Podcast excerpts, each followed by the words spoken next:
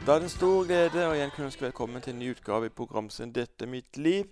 I dag er jeg Haugesund og møter Signe Marie Fidje Store, som er ukens gjest. Velkommen som gjest i 'Dette er mitt liv', Signe Marie. Jo, tusen takk. Du har eh, bl.a. vært i det alternative og OL-deltaker i bryting. Dette skal vi selvsagt komme tilbake til etter hvert, men la oss begynne helt ifra starten av ditt liv. Du er født i Tana. Eh, nei. Nei. jeg er faktisk født i Kristiansand. Du er født i Men uh, man skulle kanskje ikke trodd det på dialekta. Ja, i Kristiansand. Ja, det hørtes litt kjent ut for meg. ja. Fine Sørlandet. Så der hadde du din første barndomsår, da? Ja. Pappa var jo i militæret og sånn der da jeg var liten. Så jeg hadde sørlandsdialekt og hvitt hår og alt sammen. Mamma er jo fra Kristiansand. Akkurat. Mm. Men så havna du oppe i nord, da. Ja, vi flytta til eh, Tana rett før jeg begynte på grunnskolen, så da jeg var seks år. Så da ble jeg omgjort til en finnmarking. Mm. Hvordan var barndommen din? Nei, øh, barndommen min jeg vil si jeg har vært eh, veldig heldig. Altså, det å vokse opp på en plass som Tana, for eksempel, da, som er veldig lite, og det er mye natur, og liksom Jeg er jo på en måte vokst opp med at du kan stikke ut og utforske skogen, og liksom Det er ikke noe farlig med det, og har jo hatt nabobarn som har vært eh, Ja, som også likte å leke ut, ute, så jeg vil jo si at barndommen min har vært eh, fylt med veldig mye aktivitet ute. Og jeg er jo på en måte fortsatt det kullet som eh, jeg vokste opp med at når jeg var liten, så var det jo ikke teknologi på det Altså, det kom jo når jeg ble litt eldre. Em, så jeg har jo vokst opp med det å være ute og leke og være i aktivitet. Og føler meg veldig velsigna sånn sett. Mm. Lyktes du på skolen? Ja, jeg vil jo si at jeg var ganske grei på skolen. Um, ja, har jo alltid vært eh, Jeg er jo veldig sånn nysgjerrig barn, kan du si. Ja. Så jeg har jo alltid vært veldig interessert i å lære, og jeg husker jeg var jo, så jo veldig opp til mange av lærerne mine og syntes jo de var så kule og artige. Og, så jo, jeg var veldig, har alltid vært veldig sånn pliktoppfyllende, kan du si. Ungdomsårene, hvordan var de? Nei, det var jo mye trening og trening og trening.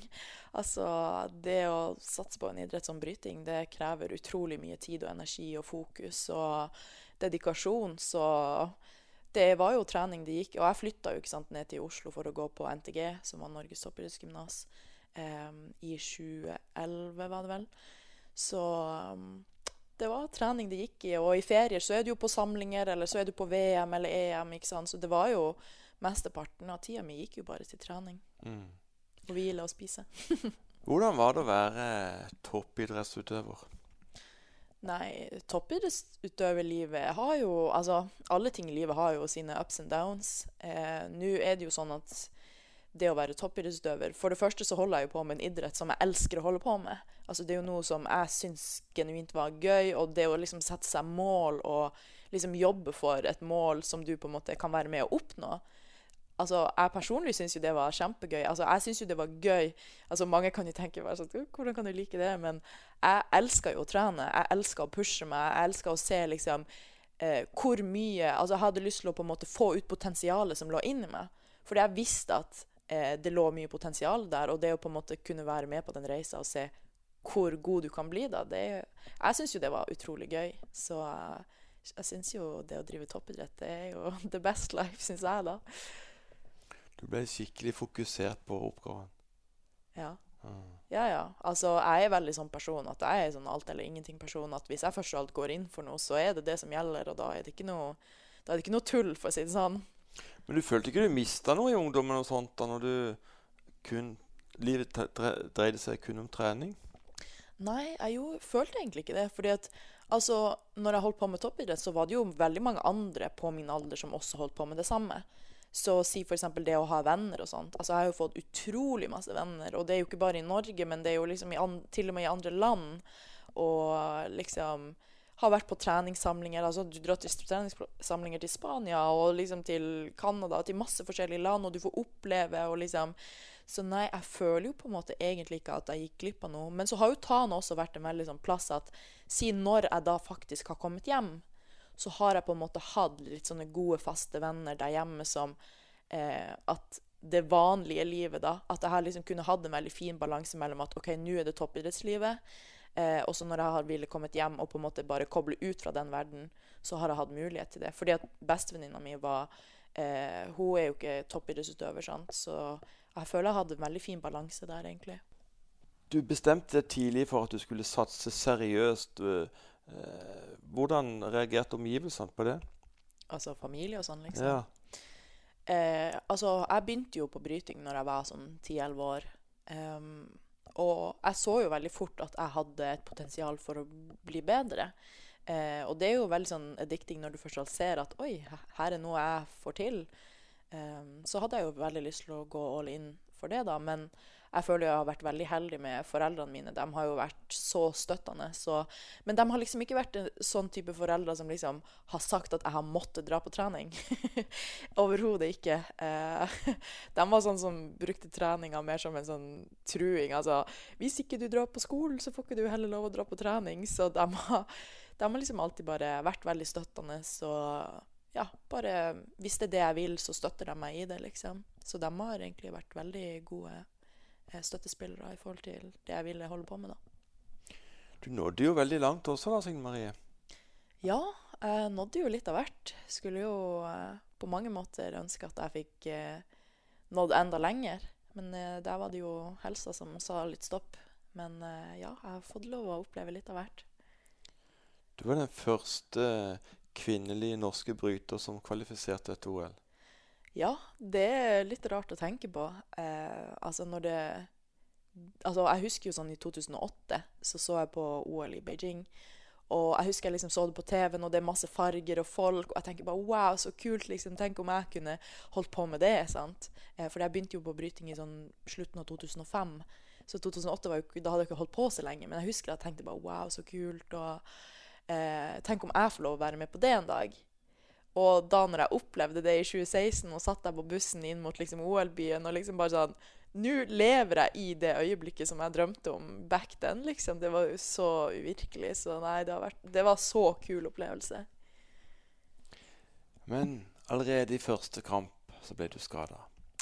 Ja, det er jo Toppidrettslivet er hardt og brutalt, og du har ingen garanti eh, for noe. Altså, da hadde jeg jo holdt på med bryting i sånn 13 år og vært så å si veldig skadefri. Så det var jo egentlig første liksom, sånn skade jeg fikk i en kamp. da. Eh, men jeg så jo faktisk en annen jente fra Canada. Hun klarte å ryke en muskel rett i oppvarminga før kampen. Så jeg føler det, det sier liksom bare om hvor mye liksom, spenning og hvor liksom Det er så mye kraft liksom som skal i gang. Og jeg røyker jo muskel bak dem med skulderbladet. Så eh, Men det er jo bare en del av toppidrettslivet. Det må man bare regne med. det, Du kan ikke kontrollere når sånt skjer, liksom. Og i en alder av 24 år så la du opp. Ja, jeg ble jo tvunget til å legge opp. Det var jo egentlig ikke så frivillig. Eh, jeg fikk jo en prolaps, og det her var jo en prolaps som ikke var som de prolapsene jeg hadde hatt før. Det var liksom ikke bare å trene og gjøre litt forskjellige ting, og så gikk det over. Eh, og så var det liksom ikke en sånn type prolaps som kunne opereres heller. Eh, så da måtte man jo bare sette helsa først. Og jeg skal jo ha denne kroppen ut livet, og da må man jo ta vare på den. Mm. Følte du det ble en skikkelig nedtur? Altså, det var jo så klart hardt eh, å på en måte gi fra seg noe så på en måte Altså, jeg hadde jo sett for meg at jeg skulle ha kontroll sjøl i når jeg ville legge opp, og når jeg var klar, og, og så når jeg var ferdig, så skulle jeg holde på med ma masse andre typer treningsting. Men så ble det jo ikke sånn som jeg hadde sett for meg, at plutselig så ble det jo bare tatt fra meg. Og det ble på en sånn måte Altså, fysisk aktivitet i det, i det store og hele har jo vært en så liksom kjærlighet for meg, da. Eh, men den prolapsen her gjorde jo at jeg sleit med å gå. Ikke sant? Altså, du går fra å trene den hardeste sporten i verden to ganger om dagen til å slite med å gå. altså, det er, jo, det er jo litt av noen kontraster, liksom. Eh, så det var, jo, det var jo tungt, liksom. Eh, men jeg vil jo si at jeg har jo vært en veldig sånn eh, positiv person. Altså, jeg er veldig sånn løsningsorientert. At OK, hvis ikke det funker, så må jeg finne en annen løsning. Og sånn, så jeg vil ikke si at jeg liksom Jeg gravde meg ikke ned for det. om Um, men så klart, det var jo kjempehardt å få en sånn At det ble bare tatt fra deg sånn plutselig, liksom. Mm. Mm. Måtte du på en måte finne andre ting du kunne fylle livet med? Altså, nå har jo jeg holdt på med så mange ting ved siden av brytinga eh, samtidig. Og f.eks. Eh, alternativ åndelighet. Eh, for det var jo sånne ting som fascinerte meg veldig mye da. Eh, så det gjorde jo bare at jeg fikk enda mer tid til å, å, lese på sånne ting som jeg leste på uansett, liksom, når jeg ikke trente og sånn. Så det var, gjorde jo bare at jeg fikk enda mer tid til å ja, lese og se på ting som jeg har lyst til å se på og sånt. Kjære lytter, du hører på programserien 'Dette er mitt liv'. Mitt navn er Jørgen Reinersen.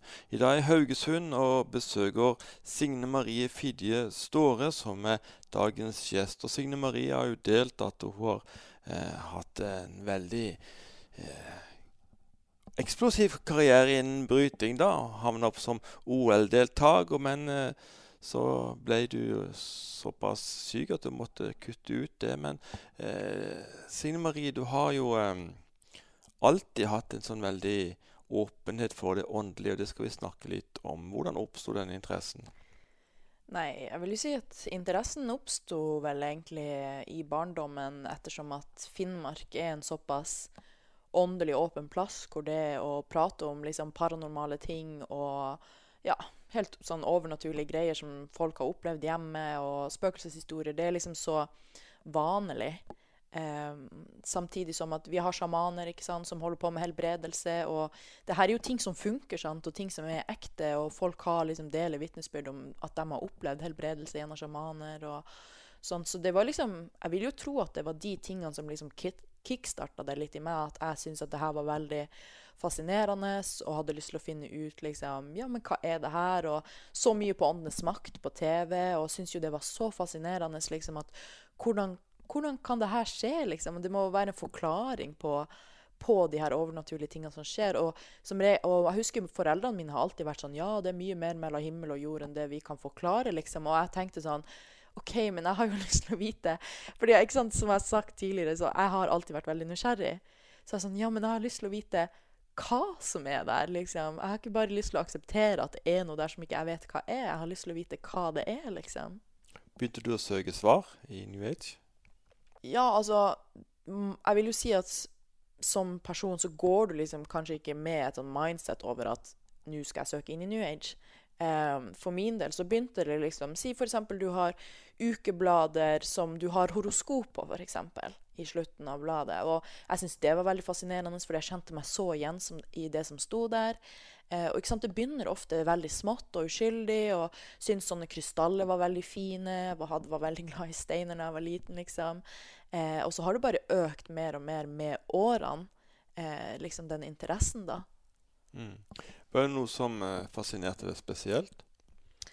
Eh, ja, eh, det var jo egentlig helbredelse og healing som fascinerte meg mest. Fordi jeg tenkte jo Altså, jeg har jo lyst til å kunne på en måte hjelpe andre mennesker med liksom, ting som jeg kan. Og altså, når det er folk som kan helbrede folk med det de gjør, så ser jo det utrolig bra ut. Eh, så det var jo egentlig det som fascinerte Jeg husker jeg hadde til og med kjøpt en bok som jeg drev og leste litt på eh, liksom, eh, mens jeg holdt på med bryting. og sånn, Så hadde jeg kjøpt en bok på helbredelse om healing. da. Eh, og tenkte sånn Wow, så kult liksom, at jeg kan lære meg det her, og så kan jeg hjelpe folk å få healing. Eh, så det var jo egentlig sånn eh, det som fascinerte meg mest. Og det og det var jo ikke sant, i form av sjamanisme òg, fordi sjamanister holder jo også på med helbredelse og ikke sant, hjelper folk med både det ene og det andre. Så det var jo sånn healing og sjamanisme som kanskje var det som jeg syntes var mest spennende. Mm. I 2016 så flyttet du til Canada for å få bedre treningsforhold, og der kom du enda tettere på sjamanismen. Ja, eh, det gjorde jeg. Og jeg tror jo det kommer av at Canada Jeg vil jo si på en måte at Canada ligger jo noen år foran Norge. sant? Eh, og si på den tida Jeg var jo Jeg ble jo veganer og alt sånt der. og eh, sånn veganisme og liksom Det var jo også mer vanlig der. Og jeg kom jo på en måte i kontakt med andre mennesker som hadde de samme interessene som jeg hadde. Eh, fordi at i Norge så følte jeg liksom ikke at eh, folk interesserte seg så mye for det som jeg interesserte meg for. Men når jeg kom til Calgary, da, så var det jo så mange som bare Ja, ja, vi går på sjamankurs, og vi holder på med krystallgreier, og det er en ritual. Og jeg bare Hæ? Er det liksom Du kan bare melde deg på det og stikke i byen og gjøre det, liksom. Altså, det var så lett tilgjengelig, da. Så jeg fikk jo mye mer eh, tilgang til sånne ting, da, i Canada. Mm. Du har bedt mye opp igjennom årene, men du har ikke helt visst hvem du har bedt til. Nei. øh, og jeg har liksom stått og tenkt litt på det sjøl. Liksom, sånn at eh, jeg husker sånn som for eksempel eh, Jeg, jeg mista jo be besteforeldrene mine på mamma sin side eh, når jeg var veldig ung, altså de fra Kristiansand da.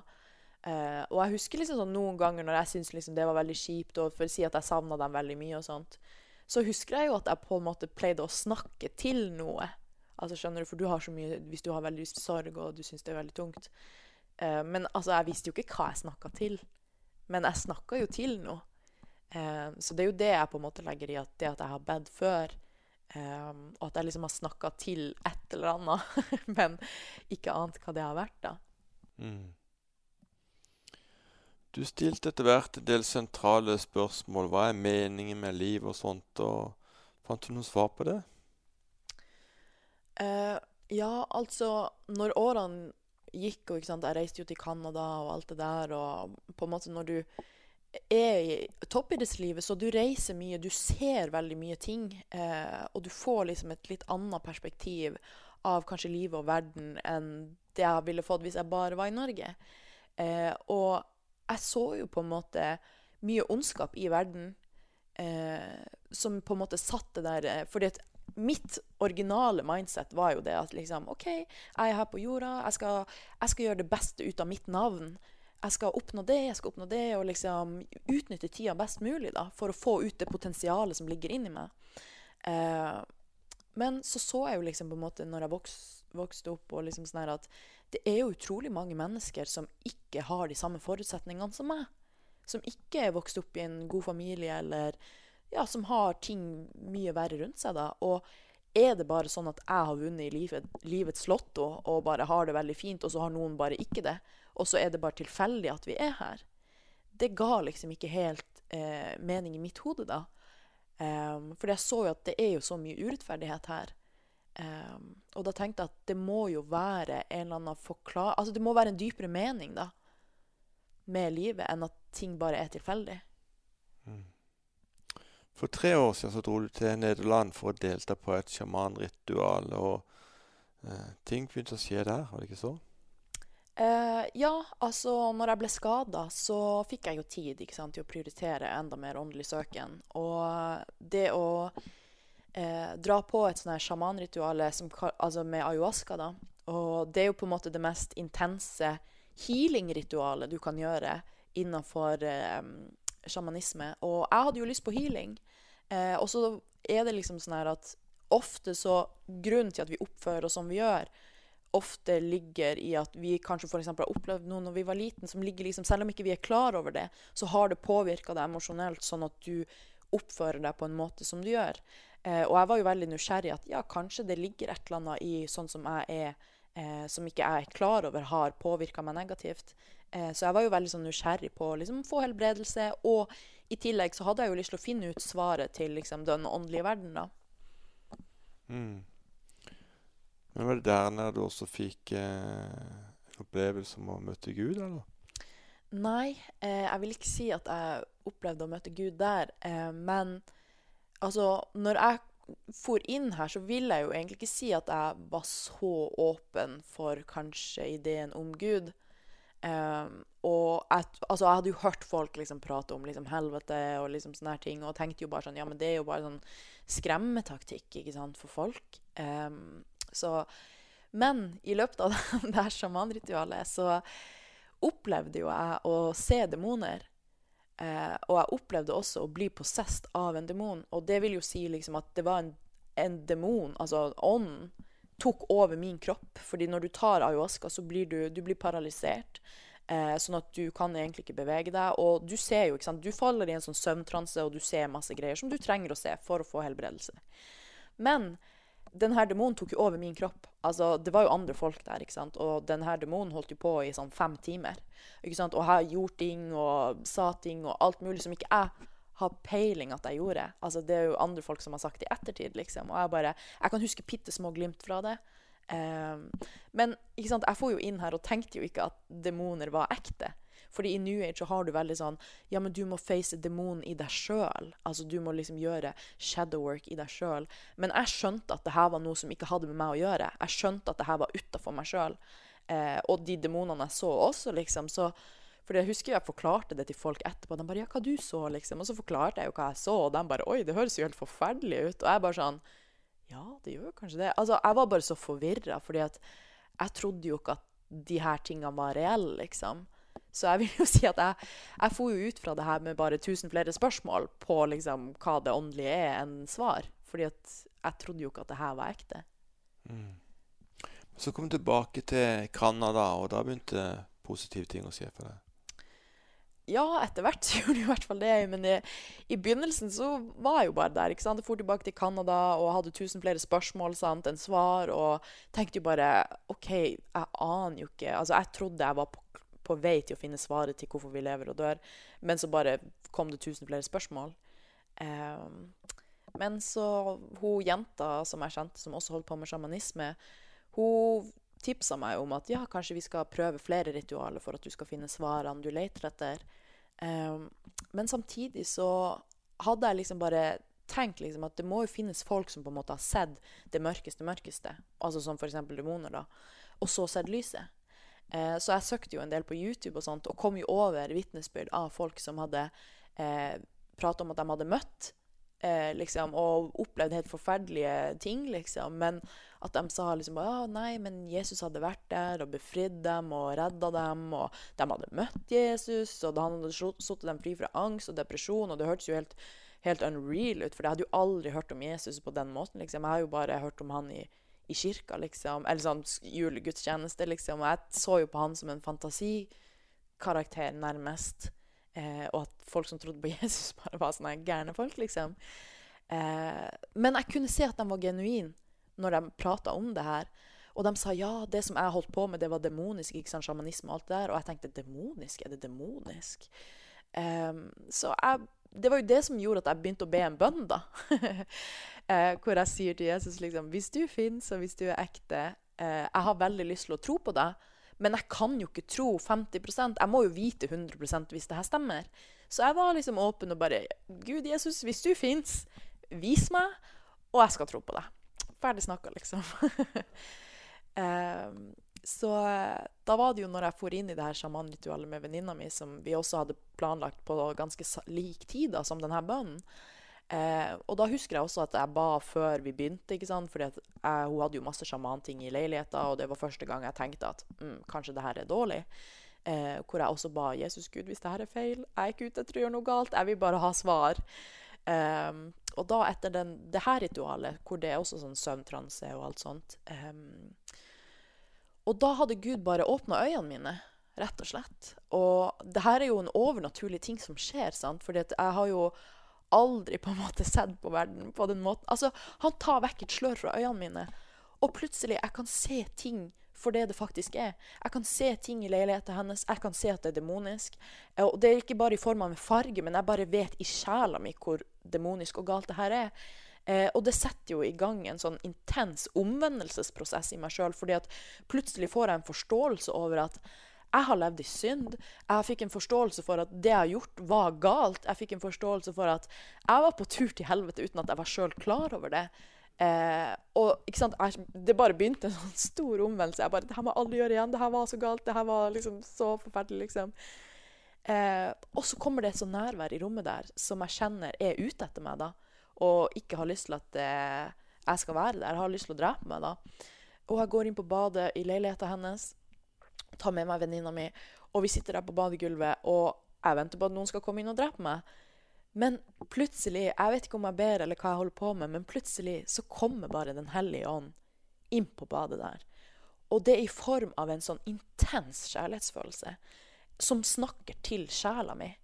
Og jeg sier bare 'Å, han elsker oss så høyt. Han elsker oss så høyt. Du aner ikke hvor mye han elsker oss.' Og jeg gråt. Jeg gråt altså for hele verden. Jeg gråt for meg sjøl, for familien min, for vennene mine.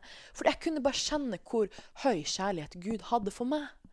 Eh, og ikke sant, Jeg har ikke lest i Bibelen på dette tidspunktet. Jeg, visste, jeg hadde ikke noe idé om Hellig ånd. liksom, Det var helt fjernt. Men når det her skjedde, så visste jeg hva det var. Altså, fordi at Gud bare snakka til sjela mi, og han forklarte meg spørsmål som jeg hadde hatt, og han viste meg eh, sånne visions av folk som jeg kjente, og hvordan de bare hadde leita etter kjærlighet. Og Jesus var kjærligheten som alle mennesker leter etter. Og jeg bare visste at alt jeg hadde leita etter hele livet, hadde jeg akkurat der og da. Jeg trengte ikke reise noe plass, jeg trengte ikke kjøpe noe. Jeg hadde alt sammen der. Eh, og jeg visste også at det var ikke fordi at jeg var god på skolen eller gjorde det bra i idrett, at jeg fikk oppleve det jeg opplevde den kvelden. Jeg visste at det var ufortjent. At det bare kom av at Gud elsker meg. Før jeg har gjort noe, før jeg har sagt noe. Han bare elsker meg for meg. Eh, så det var jo utrolig intenst. Så det var jo den opplevelsen som gjorde at jeg bare Wow, det må jo finnes flere folk som vet om det her. Jeg hadde jo aldri hørt om Jesus på en sånn måte, liksom. Eh, så jeg bare jeg må jo se om det er flere folk som vet det. Jeg må jo kjøpe meg en bibel, liksom. Og husker jo til og med at jeg sa på badegulvet bare sånn halleluja, liksom.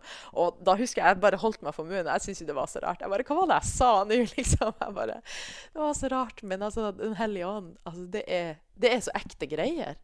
Altså, det er no joke, liksom. Så det var mitt møte med Gud. Kjære lytter, du hører på programsendet til Mitt liv. Mitt navn er Jørgen Reinersen. I dag besøker jeg Signe Marie Fidje Ståre i Haugesund. Og Signe Marie, du fortalte før denne musikalske pausen om en total forvandling i ditt liv. Eh, Gud bare åpenbarte seg for deg. Og hva skjedde i tiden etterpå at du ble en troende? Nei, det skjedde jo utrolig mye. Eh, altså, jeg ble jo radikalt frelst. Eh, det var jo som natt og dag. Um, og ikke sant? jeg var jo sånn Jeg må kjøpe meg en bibel. liksom, Det er Guds ord. Eh, og jeg husker det når jeg, jeg kjøpte jo en engelsk bibel, da. Og så leste jeg i den, og så står det sånn her Unless one is born again, you cannot enter the kingdom of God. Eh, og jeg hadde aldri hørt det konseptet av å bli født på ny. Men når jeg leste den setninga, så skjønte jeg at det var det som skjedde med meg på det badegulvet. Jeg skjønte at wow, jeg ble født på ny, liksom. Jeg visste ikke at det var en greie engang, for jeg hadde jo aldri lært om det her. Men jeg visste at det var det som skjedde. Eh, så jeg fikk jo en veldig hunger da, for å lese i Bibelen og liksom forstå mer. Og jeg husker jo jeg så på videoer. Jeg holdt jo på natt og dag sant? og leste og så på video og liksom bare ville få, bare lære mer om Jesus og hva han, hva han hadde gjort for meg, og liksom hva han sa.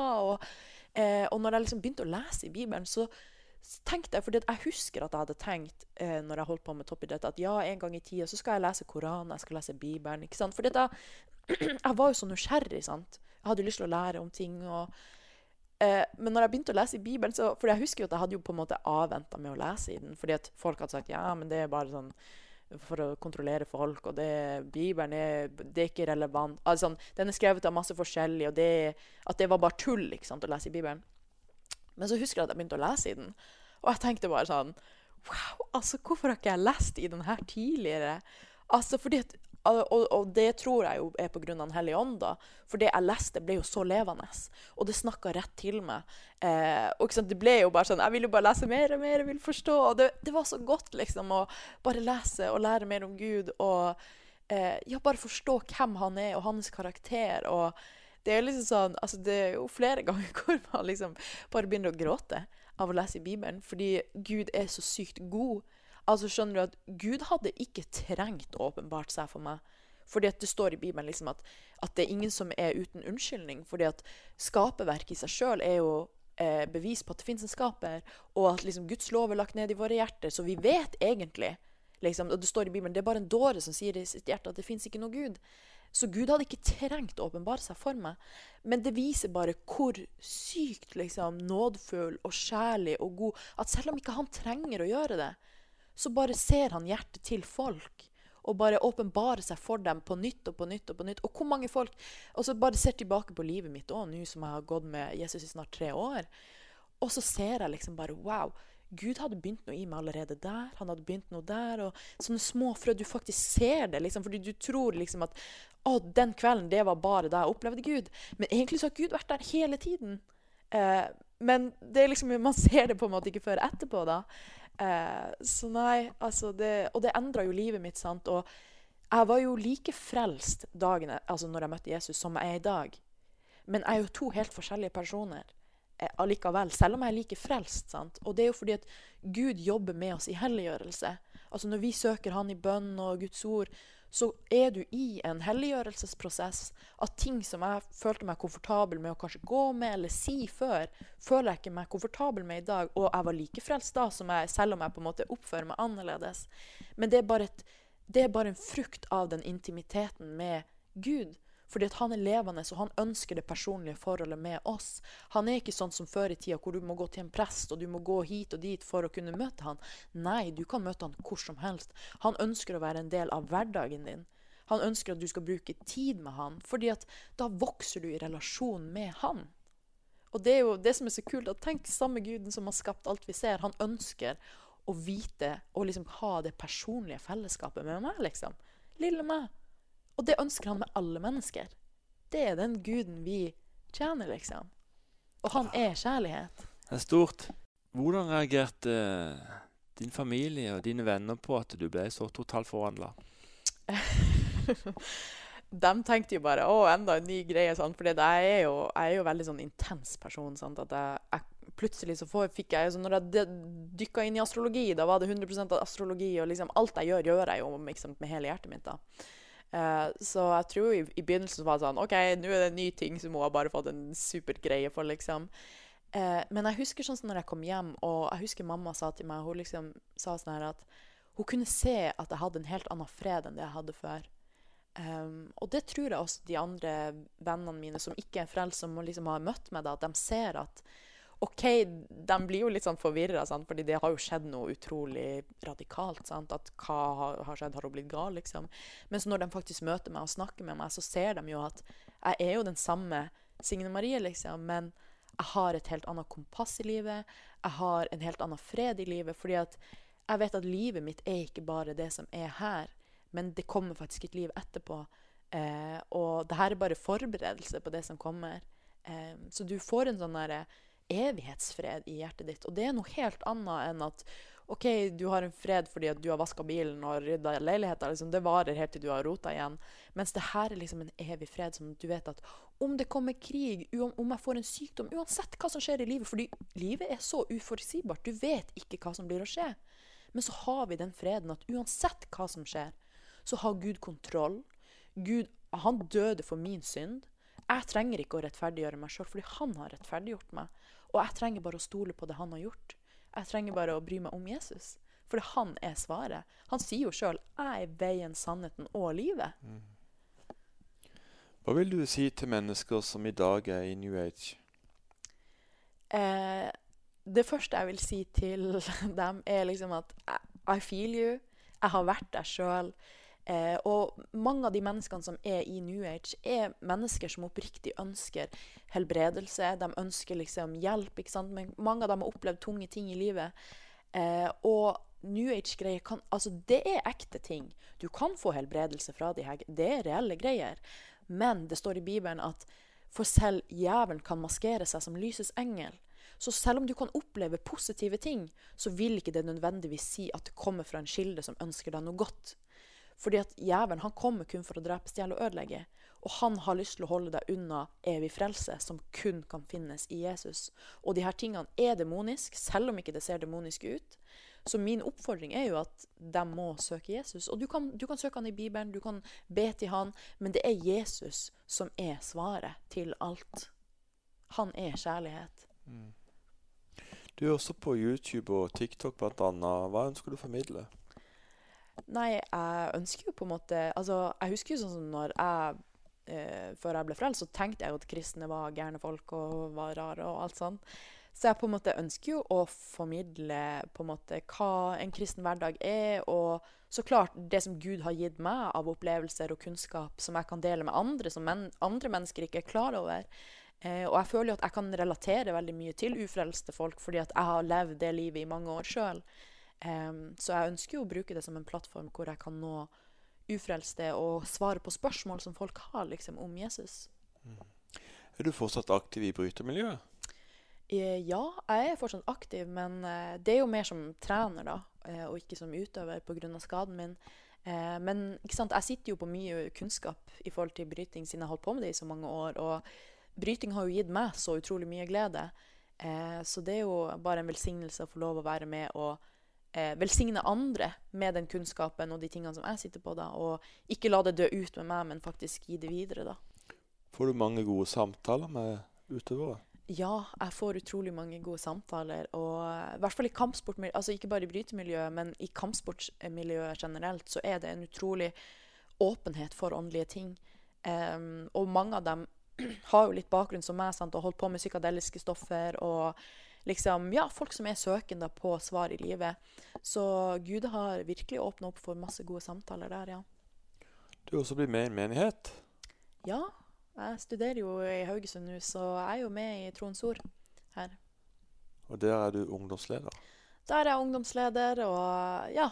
Jeg er jo ikke vokst opp ikke sant, med ungdomsmøter og ungdomsarbeid og alt sånt, så det er jo veldig nytt for meg. Men eh, jeg har jo veldig hjerte for ungdommer, og på en måte det å bare kunne lære dem opp og liksom bare 'Det her har jeg gjort, det her er ikke bra', liksom. Og bare kunne være det levende eksempelet på eh, hva de ikke bør gjøre, og liksom Ja. Og det at jeg kan relatere til dem, da. Mm. Eh, vi nærmer oss slutten av dette programmet, men jeg har lyst til å komme med en personlig hilsen til lytterne. Ja. Eh, altså Jeg var ikke frelst i masse år. Eh, jeg levde et liv Jeg trodde ikke på Gud. Jeg trodde eh, ikke på helvete eller demoner eller noe sånt. Men Gud åpenbarte seg for meg. Eh, og hva trenger Gud for å åpenbare? Han trenger et ydmykt hjerte som spør han. Eh, det står jo i Bibelen at den som søker meg hele sitt hjerte, han skal få svar. Eh, så det er ikke noe fasit på hvordan han møter folk. Eh, for man kan ofte tenke at ja, men jeg, jeg, er så langt vekke fra Gud. Jeg har gjort så mye galt. Du forstår ikke. Jeg har, jeg har gjort det her og her i livet mitt. Men Gud Altså, alle mennesker har synda. Jeg er ikke noe mer perfekt enn andre mennesker. Eh, liksom Alle sammen trenger den samme nåden, og den nåden fins i Jesus. For det er kun han som har ofra seg på korset for vår synd. Så min personlige hilsen for dem er liksom bare søk Jesus. Han har svaret til alt du lurer på. Og han vil også ta deg med inn i det evige livet når vi er ferdige her. Kan du også tenke deg en bønn for lytteren? Ja, det kan jeg gjøre. Ja, tusen takk, himmelske Far. Bare eh, velsigner alle dem som har hørt på i dag, og bare ber om at du skal lede dem på den veien de trenger å gå, og at du skal svare de spørsmålene som de ligger på i hjertet sitt, Jesus. Jeg bare ber om at du skal ta vekk all frykt, og du skal ta vekk all eh, distraksjon fra å søke deg, Jesus. Jeg bare ber om at eh, de skal få lov å kjenne på ditt hellige nærvær, og at de eh, skal kjenne på en brann for å virkelig søke deg i ånd og sannhet, og at, de, eh, at du hjelper dem å få åpenbaring når de leser i Bibelen, Jesus. Måtte du bare velsigne dem og beskytte dem og, og lede dem på rett vei. I Jesu navn. Amen. Amen. Signe Marie Fidje Store, hjertelig takk skal du ha for å takke ja til å være gjest i dette programmet. Må Gud rikelig velsigne deg og alt det du tar deg fore i årene fremover. Jo, tusen takk. Kjære lytter, for en herlig troshistorie du har fått høre i dag. Signe Marie ba en oppriktig bønn om du finnes Jesus. Og Jesus var ikke sen med å respondere på denne bønnen. La meg lese et par bibelvers fra Johannes evangelium kapittel 3 vers 16 og vers 17. For så høyt har Gud elsket verden, at han gav sin sønn den enbårne, for at hver den som tror på han, ikke skal gå fortapt, men ha evig liv. For Gud sendte ikke sin sønn til verden for å dømme verden, men for at verden skulle bli frelst ved ham. Dette gjelder nettopp deg som lytter i dag.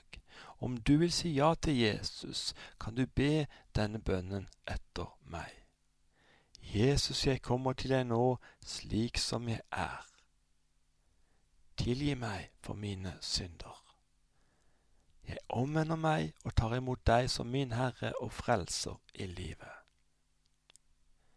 Takk at jeg nå kan kalles et Guds barn fordi ditt ord sier det. Gratulerer så mye til deg som ba denne bønnen. Du har tatt livets viktigste valg. Det finnes ikke noe som er mer betydningsfullt enn å få sin sak i orden med Gud. Vi vil veldig gjerne komme i kontakt med deg som ba denne bønnen, slik at vi får mulighet til å sende deg et gratis Nytestamente sammen med litt annen litteratur i posten. Du finner meg, Jørgen Reinertsen, på Facebook, eller så er det kontaktinfo på vår hjemmeside 9010.no, altså nitti10.no. Her finnes også en rekke videoer fra våre arrangementer som du kan kose deg med. Til slutt har jeg lyst til å oppmuntre alle dere som lytter i dag, om å søke Gud i denne tid. Vi lever i en urolig verden, men vi har med en fantastisk Gud å gjøre. Han er en kjærlig far som ser hver enkelt av oss. Og hvis vi blir fulle av angst og uro, så tar han oss opp på sitt fang, omfavner oss og gir oss en himmelsk fred. Av og til tar vi gale valg, vi kan gå oss vill, men da er det avgjørende at vi omvender oss og bekjenner våre synder og ber om tilgivelse. Da er Han trofast og rettferdig og tilgir oss syndene og renser oss for all urett. Dette kan du lese mer om i 1. Johannes brev, det første kapittel.